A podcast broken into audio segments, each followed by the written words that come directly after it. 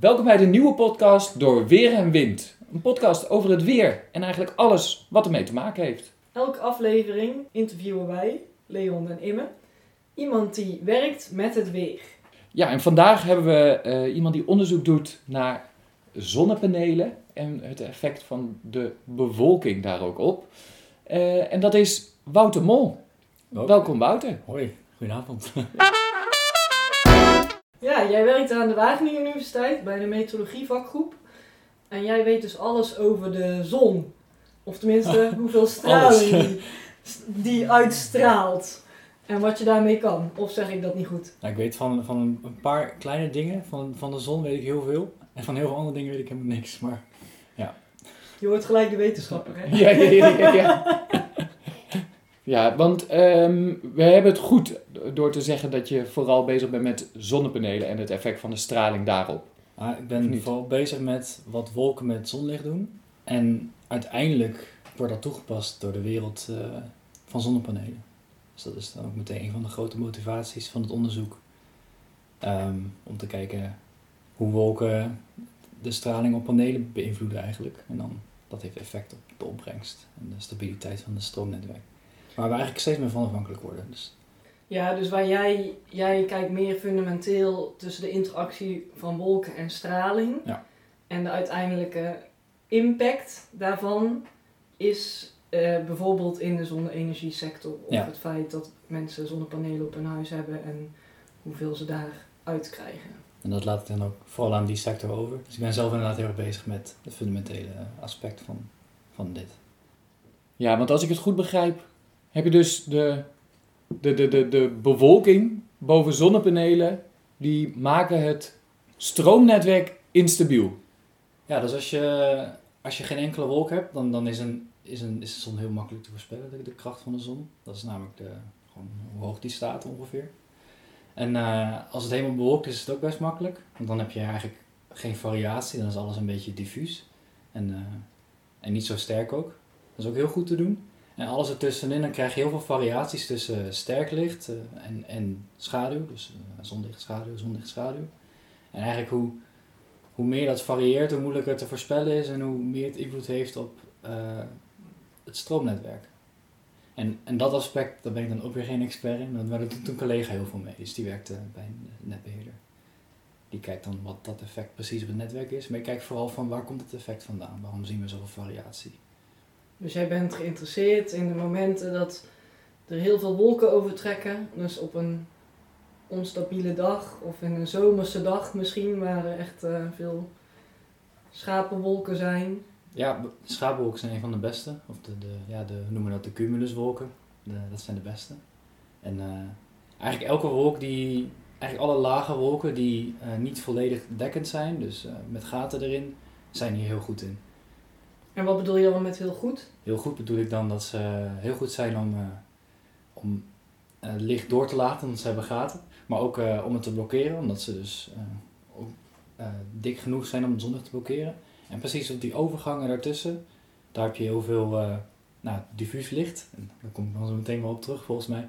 Maar dan, dat gaat dan, dat voegt toe aan, de, aan het directe zonlicht. En dan krijg je dus extra hoge straling lokaal, precies bij de overgangen. Dus dan ga je van, van zon naar extra veel zon en dan weer naar schaduw. Terwijl dan de zon dus niet per se extra schijnt. Nee, die is gewoon helemaal constant. Die, eh, die doet zijn eigen ding. En hoe, hoe onderzoek je dit? Hoe weet je überhaupt dat dat zo is? Ja, dat, ehm, wat, wat ik heel veel doe is, ik, ik werk met waarnemingen. Dus je kan, je kan, dit probleem kan je natuurlijk op heel veel manieren oplossen. Eh, mensen zijn heel erg bezig met eh, het modelleren ervan, want daar gaat het vooral mis. Modellen kunnen het niet oplossen nog. In ieder geval niet eh, snel genoeg dat we er iets aan hebben in een weersverwachting. Ehm, eh, dus je kan, je kan ermee modelleren. Ehm, maar wat ik vooral doe is het waarnemen. Dus we hebben bestaande instrumenten. Een hele mooie dataset van eh, het grote meetveld van het KNMI op Cabau. Die je heel precies kan meten, heel accuraat. Eh, en die meet alle componenten die, eh, die belangrijk zijn. Dus dat is de totale straling, dat is de directe straling, dus die direct van de zon komt. En de straling die eigenlijk overal behalve direct van de zon komt. Ehm, Dat is die diffuse straling. dat is, ja, dat noemen we dan diffuse straling inderdaad. En ehm, nou, diffuus en directe straling samen, dat, dat vormt de totale straling weer. Per, per, per definitie, maar ook op de manier hoe het gemeten wordt. En dan, ehm, dat is de ene kant. En de andere kant is dat ik extra metingen maak. Want het probleem is van eh, zo'n hele mooie eh, sensor die het KMI heeft, is dat die ontzettend duur is. En eh, ik weet, ik ga het bedrag niet noemen, maar het is meer dan 10.000. En ehm, wat we eigenlijk willen zien is de patronen die op de grond ontstaan. En ehm, als je de patronen heel mooi wilt waarnemen, dan moet je zoveel sensoren neerzetten dat dat volledig onbetaalbaar wordt. Dus wat, eh, wat wij nu in onze vakgroep hebben, we hebben een, een, eh, een creatieve techneut die eh, een heel mooi instrument gemaakt heeft die heel veel minder geld kost, ongeveer, ongeveer 10% van een echt duur instrument. Die doet het voor ons doeleinden net zo goed. En daar kunnen we heel veel van maken. En die zetten dan over het veld uit. En dan kunnen we... Dus naast dat we een hele mooie... En, en wat meet hij dan? Het diffuse licht? Of het... Die, die meet het totale zonlicht wat, eh, wat op de Oké. grond En het- valt. Zonlicht, directe zonlicht kun je in die zin berekenen, omdat wat je net zei, die is constant met, ja, afhankelijk van hoe hoog de zon staat. Eh, ja, ongeveer wel. Ja, we zijn nog niet zo ver dat we het heel mooi uit kunnen splitsen. Maar wij- met onze kastjes, eh, omdat ze zo goedkoop zijn, kunnen we ook niet heel, heel netjes die scheiding maken. Dus we kijken gewoon naar het totale effect. Maar we gebruiken ook alle kennis die we kunnen opdoen door eh, te kijken naar puur direct zonlicht en, en diffuus zonlicht van de hele dure instrumenten. Waar we dan een paar hebben staan die eh, heel precies meten. Dus die die twee combineren. We hebben een hele precieze één station en we hebben een iets minder precieze, maar heel veel eh, kleine stations. En die staan dan ook in kabouw. Ja, we hebben dit voorjaar hebben we daar, dit voorjaar, ik bedoel vorig voorjaar, hebben we in, eh, hebben we een mooie test gedaan op het, op het veld daar. Dus we hebben toegang gekregen en eh, hebben we 25 sensoren op het veld neergezet. Rondom de hele dure sensor. Dus het is leuk, onze 25 sensoren waren ongeveer even duur als één van hun. en dan, en al, alles meet dan uiteindelijk hetzelfde, namelijk wat, wat, hoeveel zonlicht er op de grond valt. Ehm, maar op een eh, hele andere manier. Dus de ene meet eh, heel precies en de andere meet heel goed juist het ruimtelijke aspect. En dat ruimtelijke aspect is omdat je die 25 sensoren in een soort van grid hebt geplaatst rondom Ja. die, die, die vaste meting. En, en moet ik dan aan een grid van eh 5 bij 5 meter denken of aan 100 bij 100 Nee. meter of eh, veel groter? Groot genoeg dat het eh, heel veel werk kost om het neer te zetten. Dus we hadden, het is ook heel, nou ja, we, denken natuurlijk uit van hoe gaan we dat nou zien neerzetten op het veld. En dan sta je op het veld en dan valt het eigenlijk toch best tegen. Dus we hadden eerst GPS-punten uitgezet. Maar die zijn eigenlijk niet nauwkeurig genoeg. Dan heb je een beetje dat het soms een meter te veel naar links, een meter te veel naar rechts. Dus we hebben uiteindelijk met een eh, kompas en een meetlint en eh, met wat geometrie trucjes gaandeweg hebben we een heel groot vierkant uitgezet en toen alle randen opgevuld en toen de middelste punten. Dus elke sensor stond, dan moet ik het goed zeggen natuurlijk, volgens mij was het 50 meter ehm, Van elkaar. van elkaar vandaan. En dan was het een soort rechte. 25 sensoren. Dus dat was, eh, ja. En waarom die afstand? Omdat dat eh, de grootte is van een standaard wolk? Of waar, waar baseer je dat op? Waarom wil je dat? Dat was de eerste keer dat we het deden. Dus eigenlijk weten we, wisten we toen nog niet zo goed hoe groot moeten we het eigenlijk neerzetten. En ehm, hoe ruim moeten we het eigenlijk opzetten. Dus wat wij hadden gedaan is... eh, het veld is ook maar zo groot waar we terecht konden. Dus dat is een beetje de, de buitenste dimensies waar we het neer konden zetten. En toen hebben we gewoon het opgevuld. En dat kwam mooi uit op 50 meter. En 50 meter is een mooi rond getal. Het is ook een beetje de typische schaalgrootte waar de de academische modellen nu eh, wolken op, eh, oplossen. Dus kunnen dat heel mooi één op één gaan vergelijken zometeen met eh, onze ideale simulaties van zo'n dag. Dan hebben we precies dezelfde schaalgrootte hebben gemeten als dat we het simuleren. En dan kunnen Ja, want wat, wat wil je met deze observaties gaan doen? Wil je het gaan vergelijken ook met, de, met modellen en dan kijken hoe goed modellen zijn? Of wat, wat is het doel van deze observaties? Ja, nou het doel van deze observaties voor mij is om te begrijpen van hoe gaat een wolk om met straling en, en waarom zien we op de grond de patronen die we zien en hoe relateert dat aan dat soort wolk. En eh, wat collega's en, en andere wetenschappers buiten Wageningen doen, is kijken of hun modellen matchen met wat ik meet. En ehm, omdat modellen eigenlijk, nog niet zo ver zijn om dit ook goed op te lossen. En er ook geen niet echt waarnemingen zijn op deze schaalgrootte. Is het ook heel moeilijk om iets te verzinnen wat wel werkt. Want je moet altijd kunnen testen. En tot op heden is er eigenlijk nog niet echt een goede referentie om dit te kunnen gaan testen. En ik hoop ook met deze waarnemingen, en er zullen zal nog wel meer gemeten worden de komende jaren, om daar echt een, een mooie dataset te maken waarmee ook de toekomstige modellen getest kunnen worden. Zodat we uiteindelijk wel de verwachting kunnen maken voor morgen van wat is de variabiliteit van straling. En als ik dan aan zo'n model denk, is dat dan een weermodel zoals ze bij het KNMI draaien? Of is dat eh, veel, veel fijner nog en eigenlijk net een iets andere, ander soort model? Want je moet eigenlijk dus echt wolken kunnen oplossen om, om Ja. ook de, wolken, de straling rondom wolken wat jij meet. Ja. Ik ben er heel groot voorstander van, alleen het probleem is dat het niet praktisch is. Omdat je modellen moeten, zijn zo, die eisen zoveel computerkracht als je wolken wil oplossen, dat het niet kan. Wat er nu heel veel gedaan wordt, is om dan, ehm, ja, dat heet dan parametrisaties te maken. Dus dan gaan ze, nou ja, trucjes bij een toepassen. bepaalde hoeveelheid eh, vocht en warmte. Of, Ja, gewoon een versimpeling van de werkelijkheid en dan hopelijk dat dat reproduceert dan wat we uiteindelijk eh, zien. Dat werkt nooit echt heel goed, maar eh, het werkt wel beter dan niks. En dat, dat is waar, waar, waar het nu op getest wordt. Dus bijvoorbeeld, we werken samen met wat mensen uit Duitsland, want daar hebben we ook gemeten vorig jaar. En die, die meten nu hun, ehm, die hebben dus zo'n parametrisatie die in zo'n ehm, in zo'n gridbox van een weermodel, die, die parametriseren dan de soort wolken die erin komen. Die ze dus niet oplossen, maar gewoon afschatten. Van, oh, we hebben ongeveer zoveel wolken van deze grootte. En die gaan dat proberen te vertalen naar wat voor straling geeft dat. Er zitten heel veel stappen tussen dus eigenlijk. Maar dan gaan ze dus zeggen, we hebben ongeveer 20% lage bewolking. Nou, we hebben 30% middelbare bewolking en 80% hoge bewolking. Ja, bijvoorbeeld. En dan, dan kijken ze van, eh, ja, hoeveel komt dan uiteindelijk op de grond terecht? En is dat dan, is het dan een beetje uniform of is er daar een heel groot verschil tussen? Dus heb je, heb je een paar lage plekken, heb je een paar hoge pieken in straling of is het gewoon uniform? En eh, nou ja, dat moet je kunnen testen en dat is heel moeilijk, omdat daar dus weinig metingen zijn. Dus ehm, dat soort mensen die daar heel erg mee aan, aan het ontwikkelen zijn, die hebben daar ehm, eigenlijk meteen al profijt van. Dus dat wordt nu ook gedaan. We werken daarom ook met hen samen. en moet je dan ook meten voor langere tijd? Want ik kan me voorstellen, als je één dag hebt gemeten, dan heb je ook. Dan is het heel erg afhankelijk van wat de weercondities waren die dag, wat jij eh, Ja. hebt. Of ga je dan echt eh, een hele zomer lang, of juist een winter, ik weet eigenlijk niet waarin je geïnteresseerd bent. Ja, dus we maken een plan om naar een campagne te gaan. Bijvoorbeeld eh, de, de campagne in Duitsland vorig jaar was de belangrijkste die, ik gedaan heb. En dan hoop je dat je in die twee weken dat we er meten, dat we dan...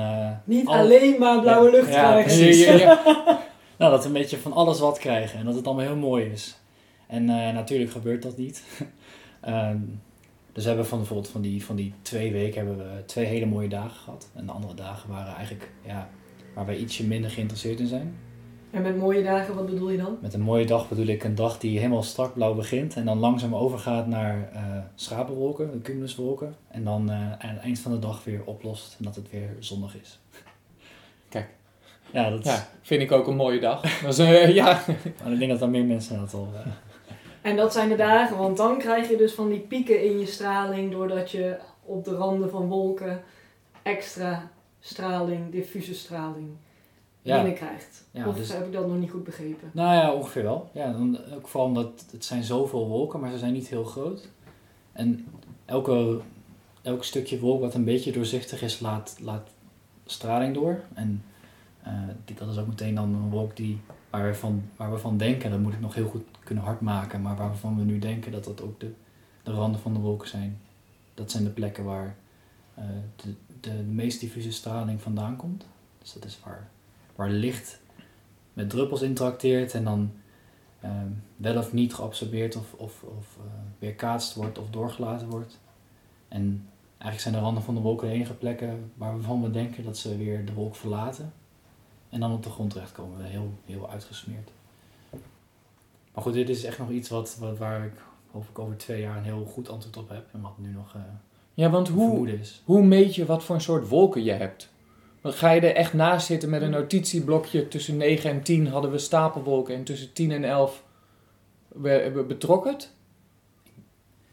Of Ik denk, Kun je dit ik ook ben, meten? Ja, ik ben inderdaad van mening dat als je dat doet, dat je dan pas echt begrijpt wat je aan het meten bent. Er zijn, eh, we kunnen heel veel metingen gebruiken. Hebben bijvoorbeeld in Duitsland hadden we allerlei eh, wolkenradars. Die, die meten de, ja, de reflectiviteit van wolken. En dan kan je dus in een dataset terugzien hoe hoog ze waren en waar ze zaten. En, nou ja. Hoe wit misschien. ja, ook een beetje in die kant, ja. ja. Ehm, maar ik denk dat dit onderwerp is wel heel erg leuk, want het is zo intuïtief, omdat je het gewoon kan zien. Je kan namelijk gewoon zien of er wolken zijn en of ze fel zijn. En, ehm, en wat, hoe, ja, of, ze, of het bijvoorbeeld ehm, vierkante wolken zijn, of dat ze heel plat zijn, of dat ze heel erg rafelig zijn aan de randen, of, of niet. Dus ik denk dat het, ik heb, wat ik heb gedaan tijdens die campagnes, inderdaad, ik ben ook veel buiten geweest op, op het netwerk, ehm, die we hadden uitgezet. En dan ook gewoon kijken van, wat zie ik nu? En eh, een beetje opschrijven. Maar ik word natuurlijk heel erg geholpen. We hebben ook gewoon eh, van die actiecamera's neergezet die elke vijf seconden een foto maken. Dus we kunnen altijd terug ook naar de foto's. Dat helpt ook wel. Dat helpt enorm natuurlijk, want mijn geheugen is zeker niet zo goed dat ik eh, elk moment van de dag. eh, Maar gebruik je, gebruik je die foto's dan ook, kun je die als het ware ook in, in je analyse gebruiken? Of is dat meer om nog even weer terug te kijken naar wat, was voor, wat voor weer was het ook alweer? Ehm, het ene sluit het andere niet uit natuurlijk. Dus eh, ik kijk nee, maar van- kijk, kijk, zet je, gooi je ze in de computer. laat je ze, laat je, ja, wel- reken je ermee. Dat is wel mijn plan, ja. Ik Ah. heb het nog niet gedaan, maar dat is wel mijn plan. Ik denk dat we daar heel veel uit kunnen, uit kunnen leren. Ja, dus je hebt nu eigenlijk heel veel metingen gedaan en je bent nu eigenlijk echt nog met stap 1 bezig met wat je uit die metingen kan halen, maar je ziet er nog veel meer potentie in. Ja, ja. En ook om ze dan daarna te koppelen aan eh, uitkomsten, wat modellen zeggen, en om, om te kijken of dan modellen dat, dat eigenlijk kunnen, of zo ja. Ja, ja. Klopt. En, en of, of de ideeën die nu in de wetenschap heersen over hoe het werkt, of die kloppen. Want eh, ik lees ook best wel veel andermans onderzoek. Ik ben absoluut niet de enige die zich bezighoudt met, eh, met zonne-energie of zonnestraling. Natuurlijk eh, zeker niet nu er zoveel vraag naar is. En er zijn toch wel onderwerpen waarvan niet helemaal duidelijk is van of het nou of dat is hoe het werkt. Bijvoorbeeld de ene zegt wolken werken als spiegels. De zijkanten van wolken die reflecteren terug op de grond. En er is een andere die zeggen, eigenlijk, eigenlijk gaat al het licht gaat langs de richting van de zon ehm, naar beneden. Dus die, gaat niet, eh, die wordt niet weerkaatst, maar die gaat gewoon eh, wat diffuser naar beneden. En dat zijn twee hele andere dingen eigenlijk. Ik probeer uiteindelijk te begrijpen wat is nou echt wat er gebeurt. Ja, dus de hoek waarin de straling op het oppervlakte raakt, is dus eigenlijk heel belangrijk. Of een wolk raakt en hoe dat dan weerkaatst wordt. Dus ook de dag, het moment van de dag, hoe Ja. de zon staat, kan daar dus dan weer een invloed op hebben. Ja, enorm ja. ja. Ja. Is dat nou ook eigenlijk nog anders op verschillende plekken in de wereld? Zeg maar, je hebt nu je metingen natuurlijk hier gedaan, maar zou dat nou wel... Ik bedoel, in de tropen heb je natuurlijk weer ander soort wolken, dus eh, daar zul je weer andere dingen vinden misschien. Of kan, is dat redelijk uniform en worden wolken overal op dezelfde manier gevormd? Nou, dat, ja, dat is een goede vraag. En dat is niet- inderdaad iets dat we hopen nog te kunnen antwoorden. Dus ik ben ook nog vorig jaar, wat heel wat in te halen natuurlijk na 2020, maar ik ben ook vorig jaar nog naar Spanje geweest. En het klinkt misschien niet zo exotisch, maar het is wel een stuk zuidelijker. En ehm, de zon staat daar echt hoger. Die komt ongeveer eh, 70 graden boven de horizon. En in, in Nederland of in Duitsland hadden we ongeveer 60 graden. Dus bijna helemaal omhoog Andere En- hoek. andere hoek dus. En ehm, ja, ook hele andere wolken daar, vooral heel weinig wolken. Ehm daar hadden we zeg maar van die twee weken van het meet hadden we eigenlijk eh, twaalf dagen strak blauw en dan twee Oh, ja. dagen met wolken. Ah.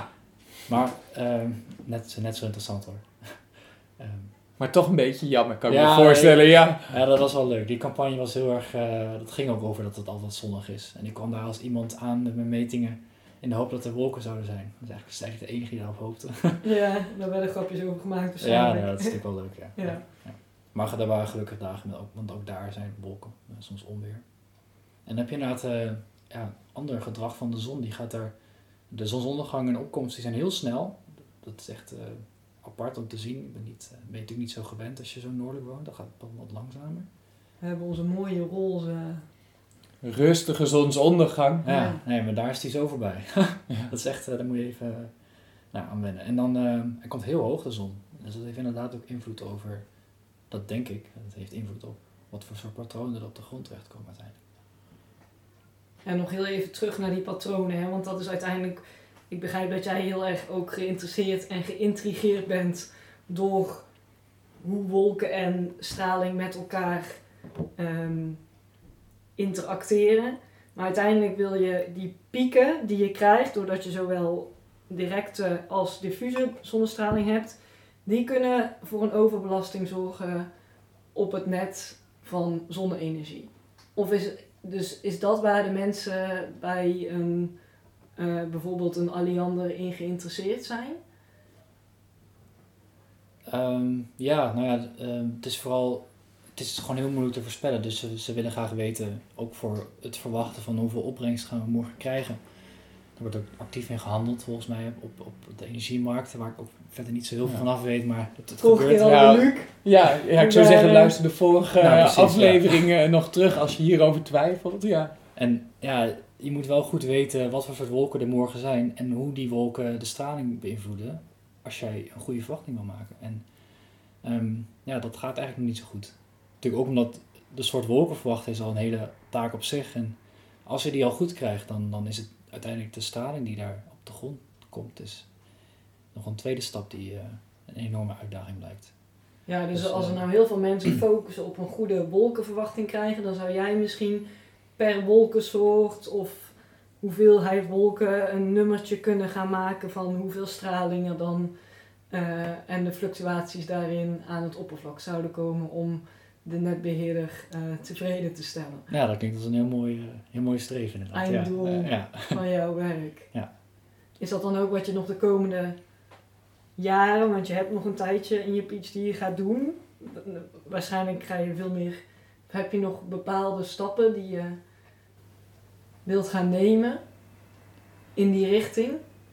Ja, dus nou ja, ik, eigenlijk heb ik heb vorig jaar zoveel gemeten. Eh, dat, dat het doel van dit jaar is om al die metingen gewoon echt goed te gaan begrijpen. En dan gaan we nog één experiment uitvoeren in het, eh, in het jaar daarna. Dat zal mijn laatste jaar zijn. En dan gaan we proberen de laatste dingen die ik nog niet weet te kunnen op- opvullen met extra metingen.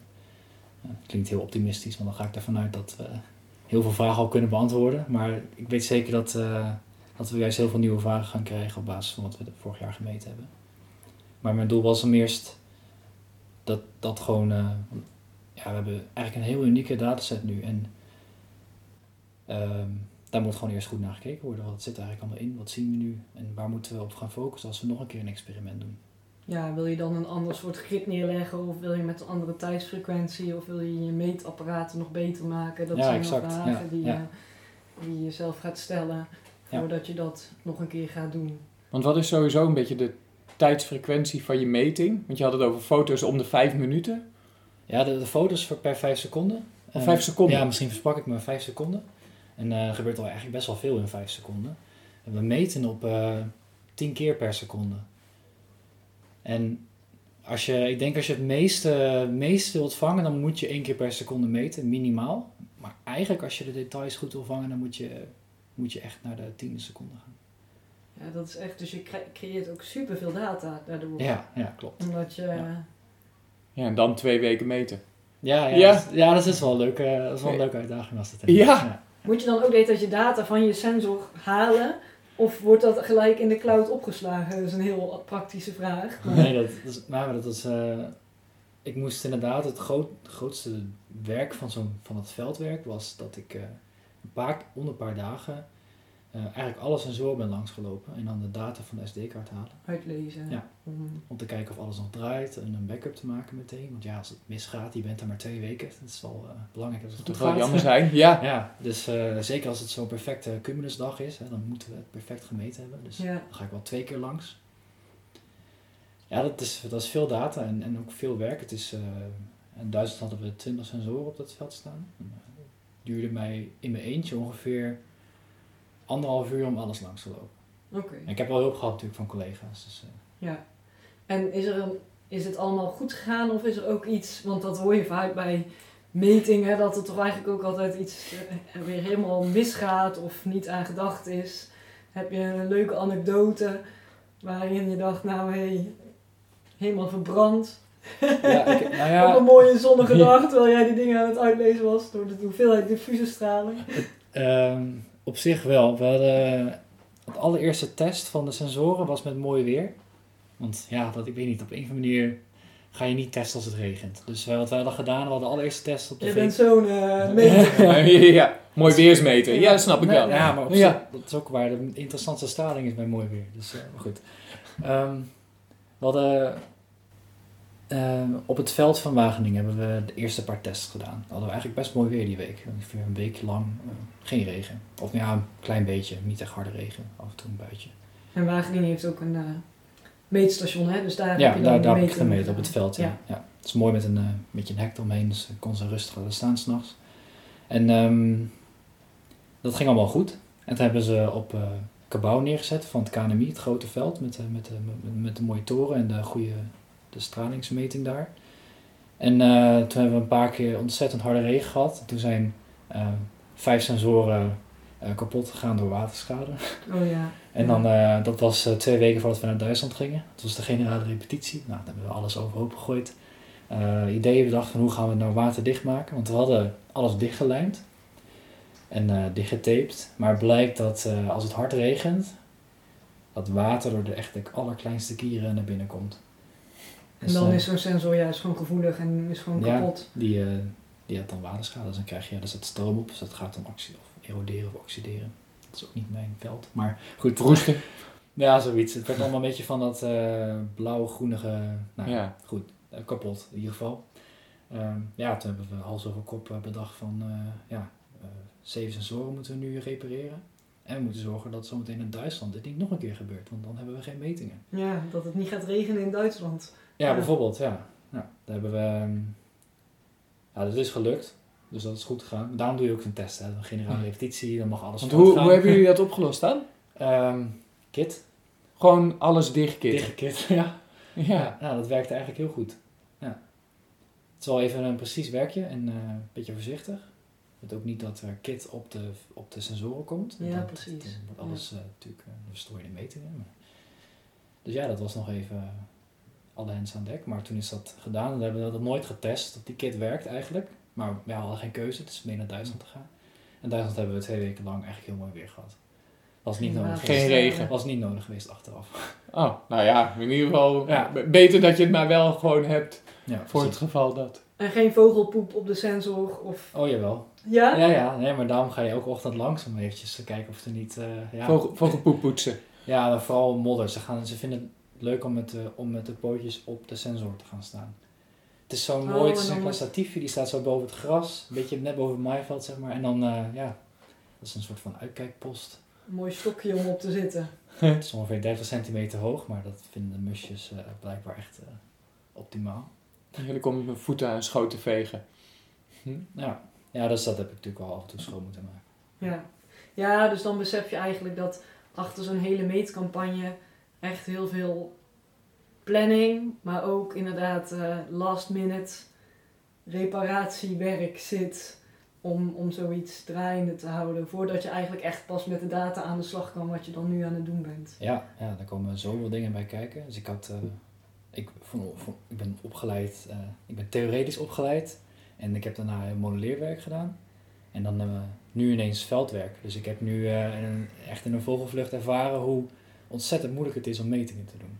Ja. En in die zin ook, ik denk ook dat het heel goed is als je een modelleur bent om een keertje mee te gaan op zo'n campagne. Dat je, als je de data gebruikt, dan ja, je beschrijft wel wat voor hoe we het gemeten hebben en dan iemand anders kan het gebruiken. Maar ik denk dat je het pas echt goed begrijpt als je erbij was. Als je hebt gezien van dit komt erbij kijken en dit is exact wat we gemeten hebben. Ook, want ik bedoel, uiteindelijk zijn dit nou metingen in een campagne, maar uiteindelijk wordt het weer en alles wat in weermodellen gaat, eh, alle KNMI-stations moeten natuurlijk ook allemaal bijgehouden worden en al die metingen die daar gedaan worden, continu, vooral een hele lange tijd, zijn natuurlijk ander soort metingen, maar die, ja, daar gaat dus eigenlijk ook heel veel tijd en, en werk in zitten. En die hebben we natuurlijk wel nodig om, om onze modellen zo goed mogelijk te krijgen. Ja, exact. Dus het is een beetje de basis. Ja, En hier bij in jouw geval dus de basis voor het begrijpen van de interactie tussen wolken en straling. ja heel goed geformuleerd. Ja. Ja. Dus dat, dat station, in, in, eh, dat hele goede station eh, in, van het KNMI, daar komt bijna elke dag iemand alle sensoren schoonmaken. En dat gebeurt al sinds hij er staat. Volgens mij is het 2004 of langer. Om die stralingsmetingen Ja. goed up-to-date te hebben. En Dat is, dat is, die zit namelijk verbonden aan het, eh, aan het wereldwijde stralingsnetwerk. En daarmee, dat is een van de belangrijke componenten in onze klimaatverandering verhaal. Want we moeten weten hoeveel komt er binnen en hoeveel gaat er uit. Ja. En dit is een van de stations daarin. Dus, ja, leuk. Zo hebben we een beetje een, een heel ander verhaal eigenlijk, hè? Dan Behoorlijk fronten anders, intekenen ja. of eh, werk op het KNMI. Ja, en ik vind het ook bijzonder tof om te horen eh, dat, je, dat je dit kan gebruiken om uiteindelijk dat energienetwerk toch wat stabieler te krijgen. ja, dat zou hartstikke mooi zijn. Ja. Ja.